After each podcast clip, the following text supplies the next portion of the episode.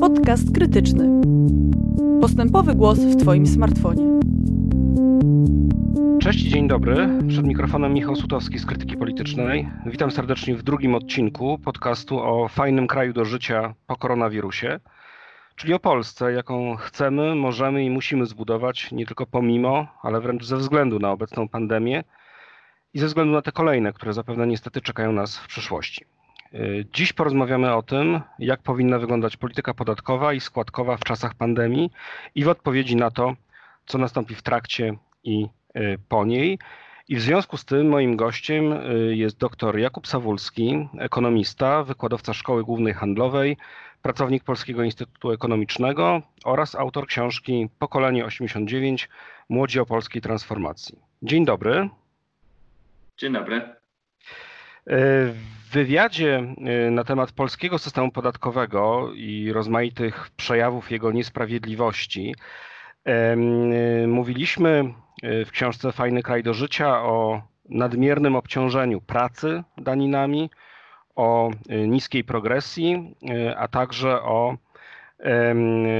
sytuacji, w której część E, zatrudnionych e, płaci podatki według e, innych zasad niż pozostali pracujący, czyli oczywiście chodziło o tych, którzy pracują na tak zwanym samozatrudnieniu.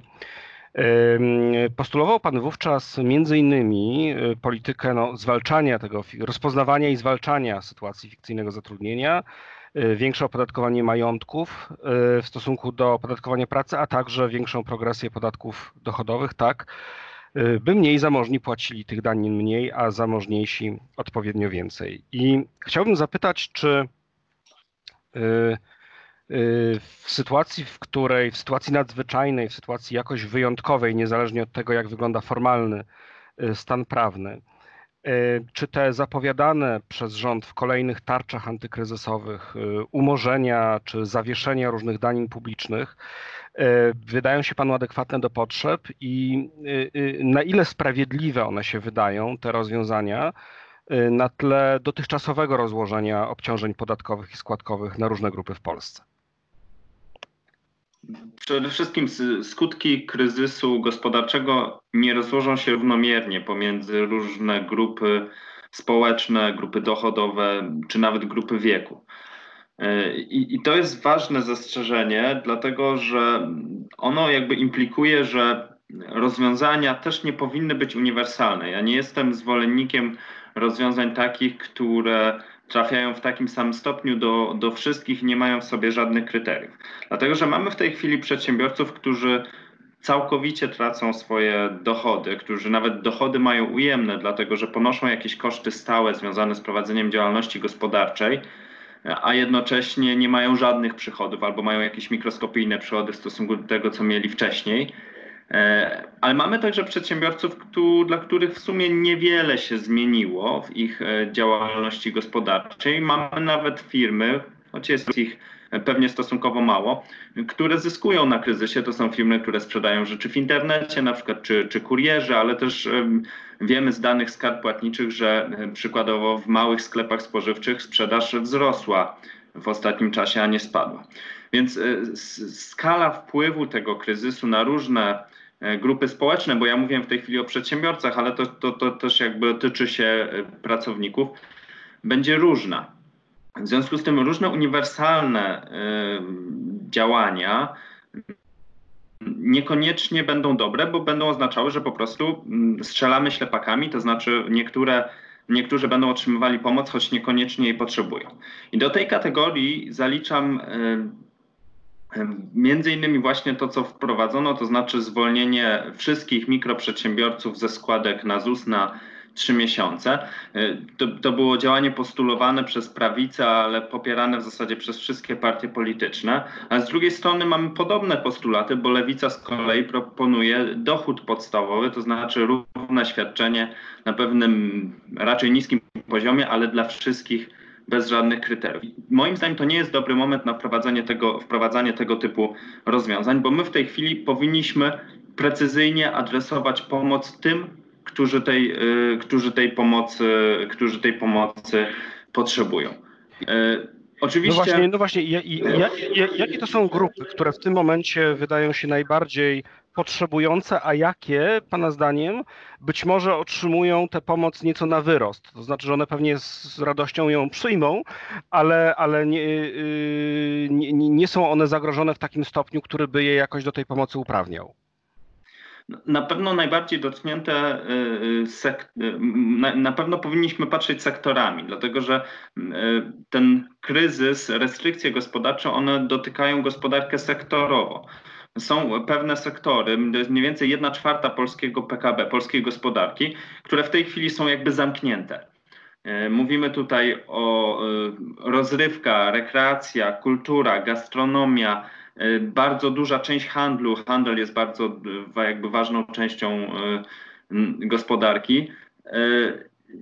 Handel ten mówię nie spożywczy, tak? bo spożywczy jest jeszcze jako, jako tako funkcjonuje.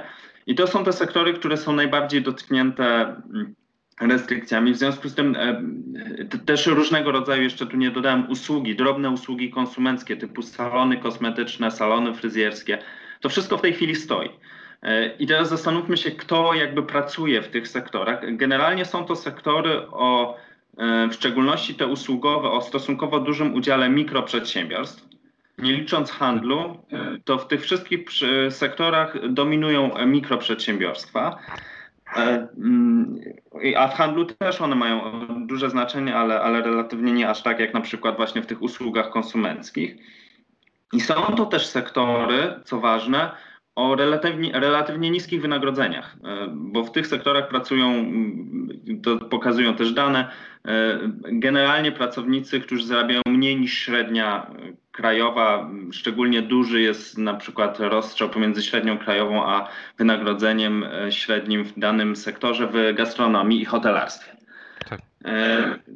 Więc można postawić taką tezę, że kryzys dotknie w większym stopniu te E, osoby o niskich, o stosunkowo niskich wynagrodzeniach. No a z drugiej strony mamy w tej chwili, no można mnożyć przykłady, no ale powiedzmy informatyka na fikcyjnym samozatrudnieniu, który pra, pracował zdalnie wcześniej i pracuje zdalnie teraz. Niewiele się dla niego zmieniło. Jest osobą o stosunkowo wysokim wynagrodzeniu. No i państwo w tym momencie dają mu w gratisie po prostu trzy miesiące niepłacenia ZUS-u. Mhm. No ja, ja, ja, rozumiem, że w czasach kryzysu takie rozwiązania uniwersalne, e, w, tak, w czasach takiego głębokiego kryzysu, z którym się jeszcze nie spotykaliśmy w zasadzie, takie uniwersalne rozwiązania wydają się atrakcyjne, no ale pytanie, czy właśnie nie marnujemy trochę tej pomocy? Przecież można by było to zrobić inaczej. Można było na przykład odroczyć wszystkim przedsiębiorstwom, odroczyć składki na ZUS, a dopiero po czasie zweryfikować i na przykład tym, którzy rzeczywiście faktycznie zostali silnie dotknięci tym kryzysem, to można było po czasie te składki im umorzyć.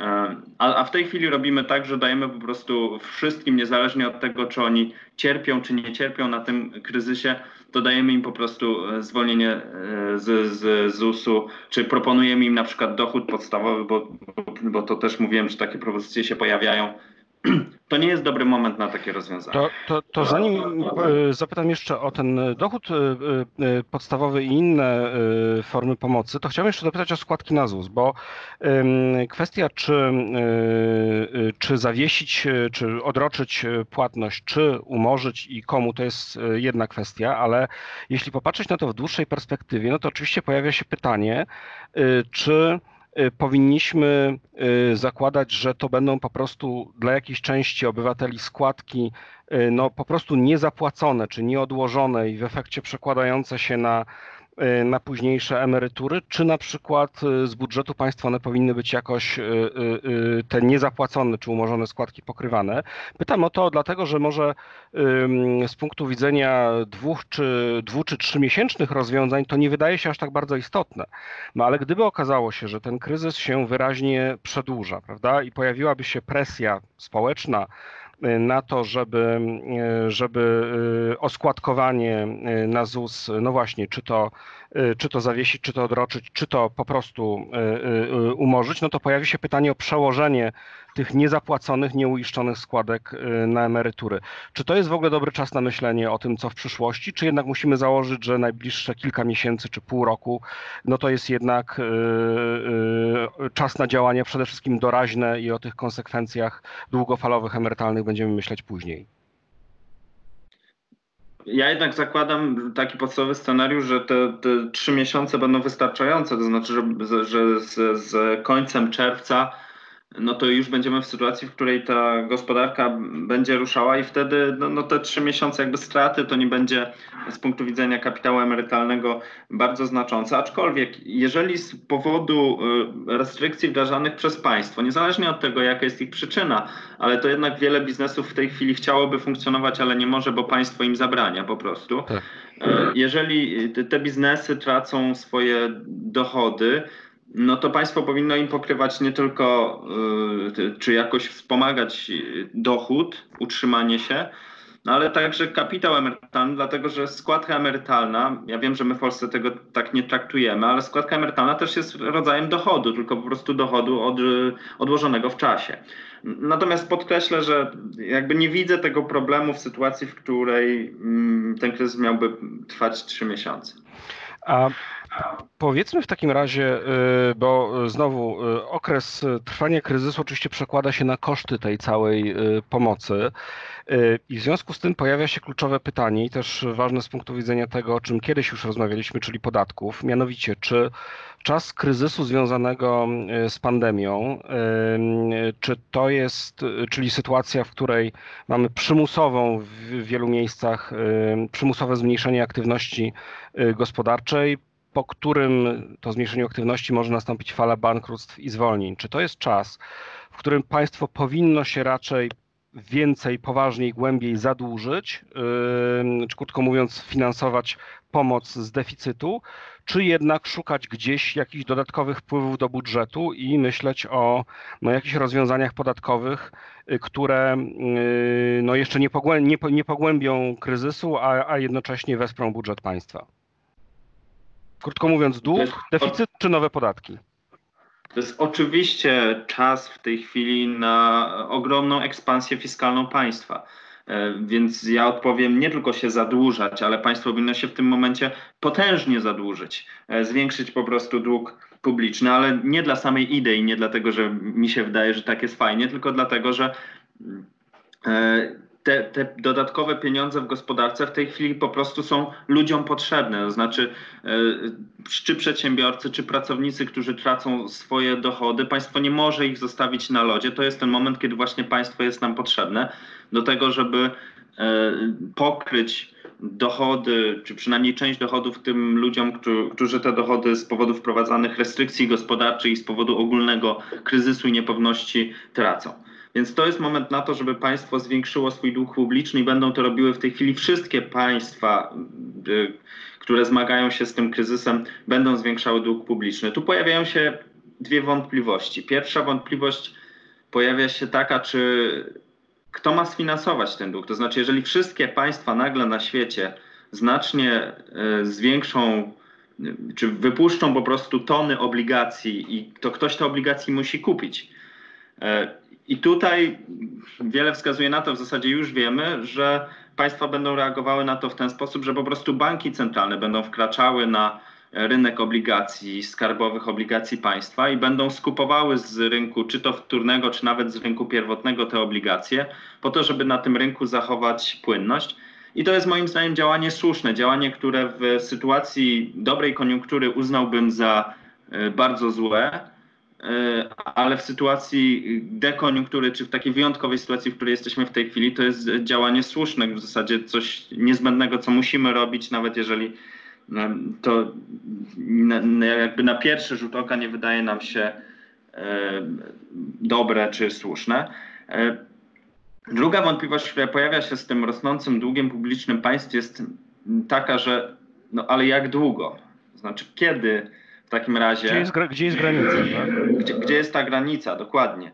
E, I tu moje zastrzeżenie jest takie, że nie powinniśmy mimo wszystko, tym bardziej jeżeli mamy te finansowania z, za plecami banków centralnych, nie powinniśmy zbyt szybko myśleć o tym, żeby zacząć ten dług redukować. Bo przyjdzie po tym kryzysie taki moment, w którym my stwierdzimy, o, zaczynamy z niego wychodzić. I, I kluczowe będzie to, co my zrobimy właśnie w tym momencie.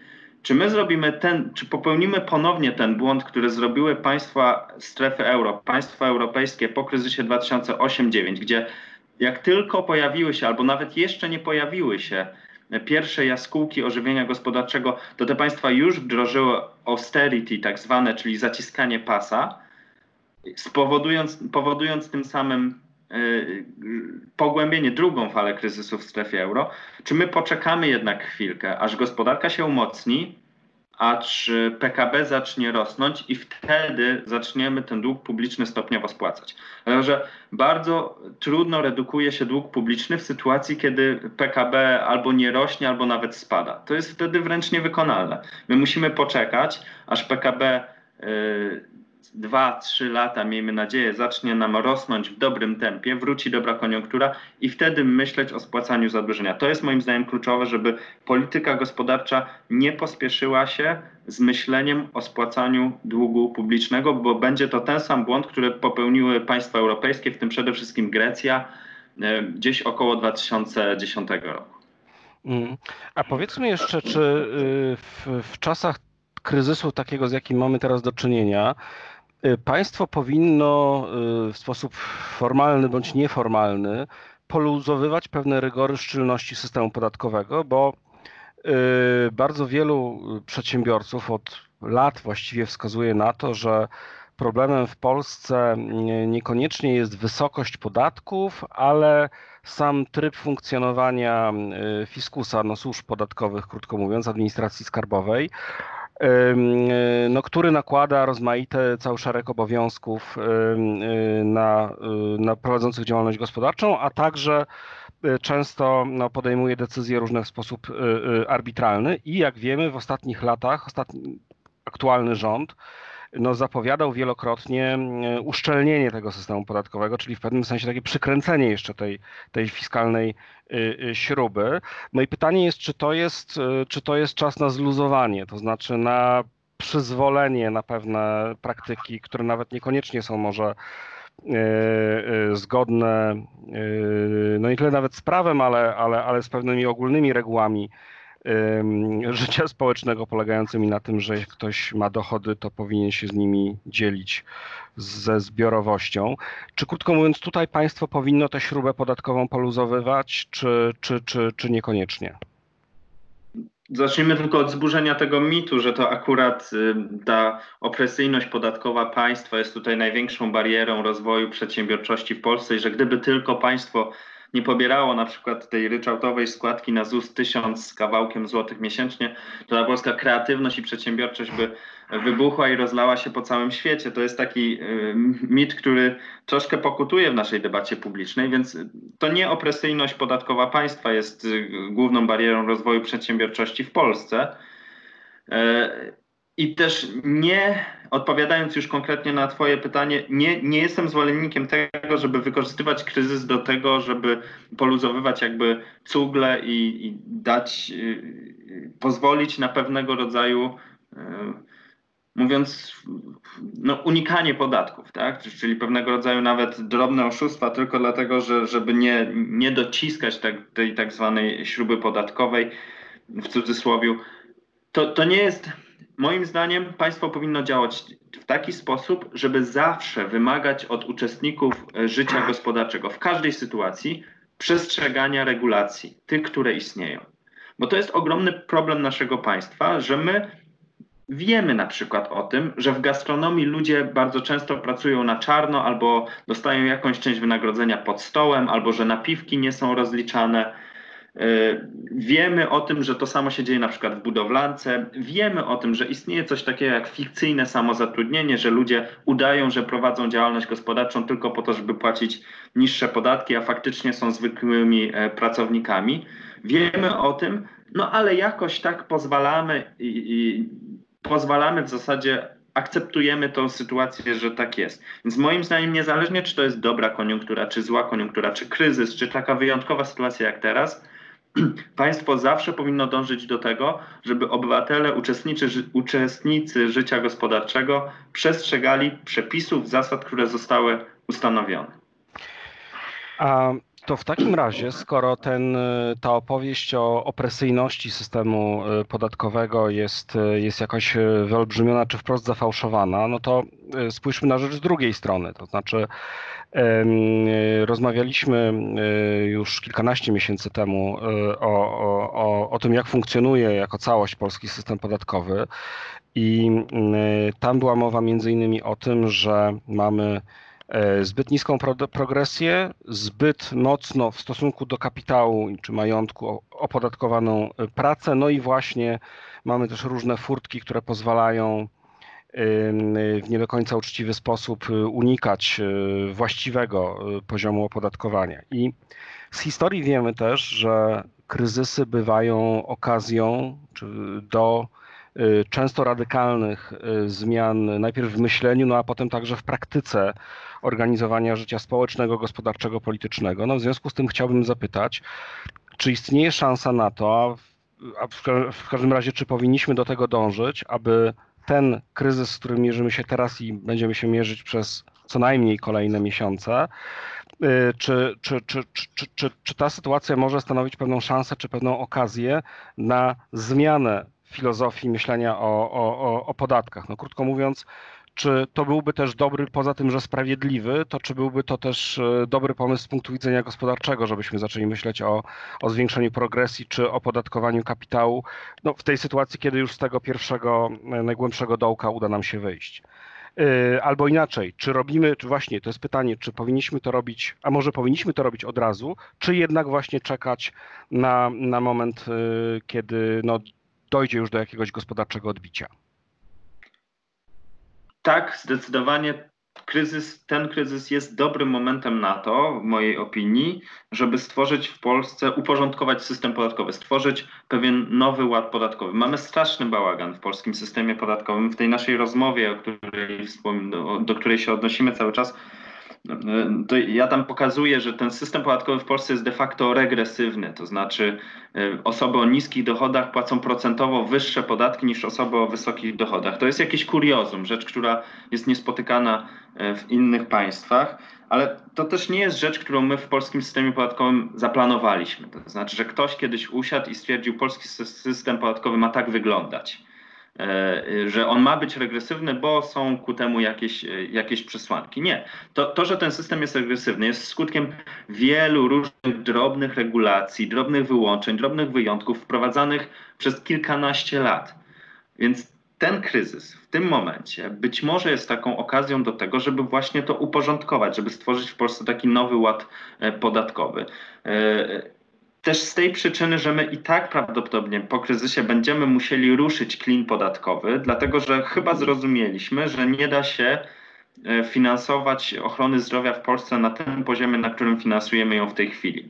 E, że, że też obywatele zrozumieli, że to jest po prostu nieopłacalne w tym sensie, że otrzymywanie w zamian e, tak niskiej jednak jakości ochrony zdrowia za tą składkę, którą płacimy, jest po prostu niebezpieczne.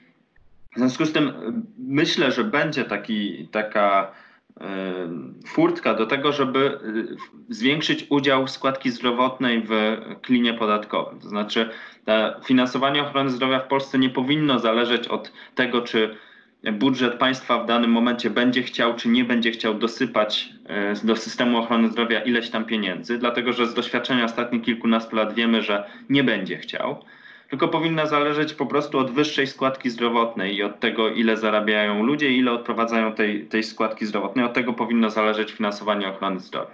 Więc w momencie, w którym wydaje mi się, że będzie taki moment, w którym e, będziemy rozmawiać o zwiększeniu składki zdrowotnej, no to być może powinniśmy ruszyć, czy powinniśmy, dobrze by było, gdybyśmy ruszyli cały klin Podatkowy i nie tylko klin podatkowy w sensie opodatkowania pracy, ale też opodatkowania działalności gospodarczej, konsumpcji, tych rzeczy, o których, o których mówiliśmy e, w wywiadzie.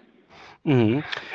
To jeszcze na koniec chciałbym zapytać o y, kwestie najbardziej doraźne i, i, i, bieżące. To znaczy, y, skoro mówiliśmy o wsparciu sektorowym i o takim y, kierowaniu pomocy w te obszary gospodarki, które są najmocniej dotknięte przez kryzys, ale to w takim razie o jakich działaniach konkretnych w stosunku do przedsiębiorców i do pracodawców należało, znaczy jakiego rodzaju działania należałoby postulować y, y, na, na, najgłośniej i najbardziej wyraźnie teraz? Znaczy, czego najbardziej brakuje? Gdyby chcieć wskazać powiedzmy dwa czy trzy takie punkty, mhm. których nie ma w dotychczasowej tarczy yy, czy w dotychczasowych instrumentach pomocy yy, rządu dla przedsiębiorców i, i, i, i, pracowników, y, to jakiego rodzaju narzędzia powinny zostać uruchomione najszybciej? To znaczy teraz po to, żebyśmy y, no, nie bezboleśnie, ale jednak stosunkowo mniej poobijani z tego, z tego kryzysu wyszli.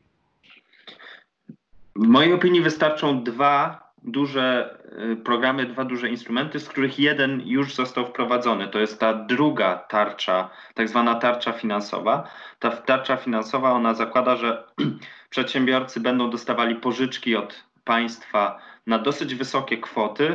Y, I jeżeli zobowiążą się utrzymać zatrudnienie przez 12 miesięcy, nie, nie zwalniać ludzi, to 3 czwarte tej pożyczki mo, może im zostać umorzona. I to jest moim zdaniem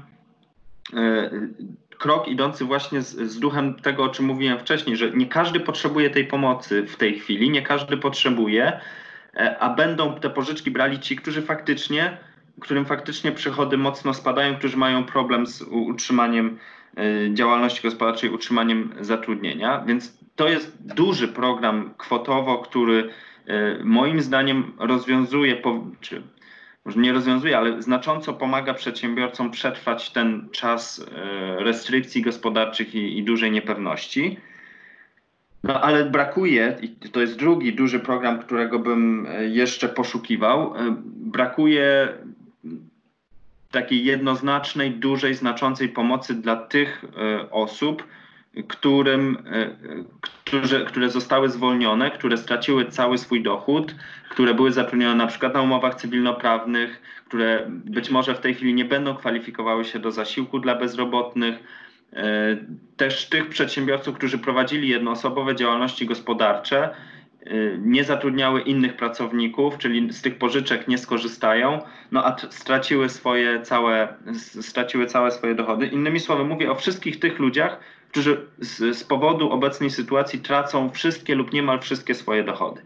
I do tych osób należałoby skierować program ala dochód podstawowy, ale nie dochód podstawowy uniwersalny dla wszystkich, tylko dochód podstawowy dla wszystkich, którzy tracą swoje, e, utraciły swój dochód w tym momencie cały lub e, w znacznej części. Więc to jest ten drugi program, którego mi brakuje. On w jakiejś tam części jest, bo no są te jednorazowe świadczenia dla osób na umowach cywilnoprawnych i dla działalności gospodarczych.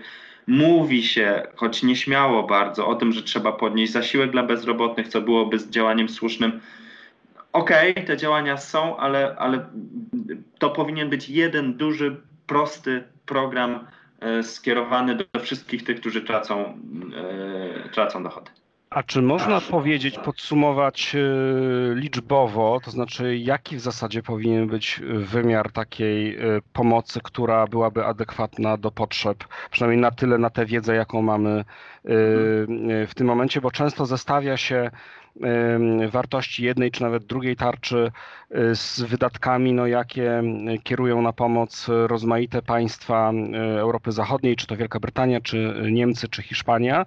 Państwa o bardzo różnych, powiedziałbym, filozofiach gospodarczych dominujących, prawda, bo tutaj Niemcy na przykład są szczególnie znani z pewnej ortodoksji monetarnej, Brytyjczycy niekoniecznie, ale jednak był to kraj mocno, mocno też przez lata neoliberalny. No i wszędzie te te, te kwoty są bardzo, bardzo wysokie i jednocześnie pewne tabu, jeśli chodzi o sposób finansowania tych, tych wydatków, no, zostały przełamane. No, nawet właśnie w tych y, szalenie ortodoksyjnych y, y, Niemczech. Czy można powiedzieć, jakiego rodzaju, o jakiego rodzaju kwotach powinniśmy mówić w Polsce i jakie, jak one się mają do tego, co rzeczywiście już wydaliśmy bądź planujemy wydać? Jedno jest pewne, nie powinniśmy się hamować. To znaczy, nie powinniśmy w tej chwili myśleć o, o limitach, o, o, o nawet konstytucyjnym limicie zadłużenia. Niestety to nie jest ten moment na to, żeby myśleć o tym, czy my przedłużymy, przekroczymy jakiś tam próg, czy nie przekroczymy. E, jeżeli chodzi o konkretne kwoty, to ten program pożyczek, o którym wspomniałem wcześniej, to jest program o wartości 100 miliardów złotych, czyli 4,5% PKB. Tak. I to jest bardzo dużo. To jest duży program. Jeżeli do tego dorzucilibyśmy jeszcze trochę strzelam teraz, bo musiałbym to policzyć, ale 2-3% PKB takiego dochodu podstawowego dla wszystkich tych, którzy tracą swój dochód, o czym mówiłem wcześniej, to moim zdaniem to by była adekwatna pomoc do obecnej sytuacji, tak, czyli taka pomoc rzędu 7-8% PKB. Rozumiem. E, Dziękuję bardzo. Będziemy w takim razie obserwować e, to, co się dzieje e, wokół e, pandemii, jakie narzędzia gospodarcze są rzeczywiście wdrażane, a jakie są przynajmniej przedmiotem debaty, namysłu czy, czy chociażby sporu politycznego. I Będziemy y, rozmawiali również z kolejnymi y, gośćmi, kolejnymi moimi rozmówcami, rozmówczyniami, y, bohaterami książki Fajny kraj do życia, o tym, jak ich, ich tezy, ich diagnozy dotyczące rozmaitych sfer życia gospodarczego, społecznego mają się do czasu pandemii. Bardzo dziękuję mojemu gościowi za rozmowę. Bardzo dziękuję. dziękuję. Również. Dziękuję również e, słuchaczom za uwagę i zapraszam na kolejne odcinki podcastu Fajny kraj do życia po koronawirusie.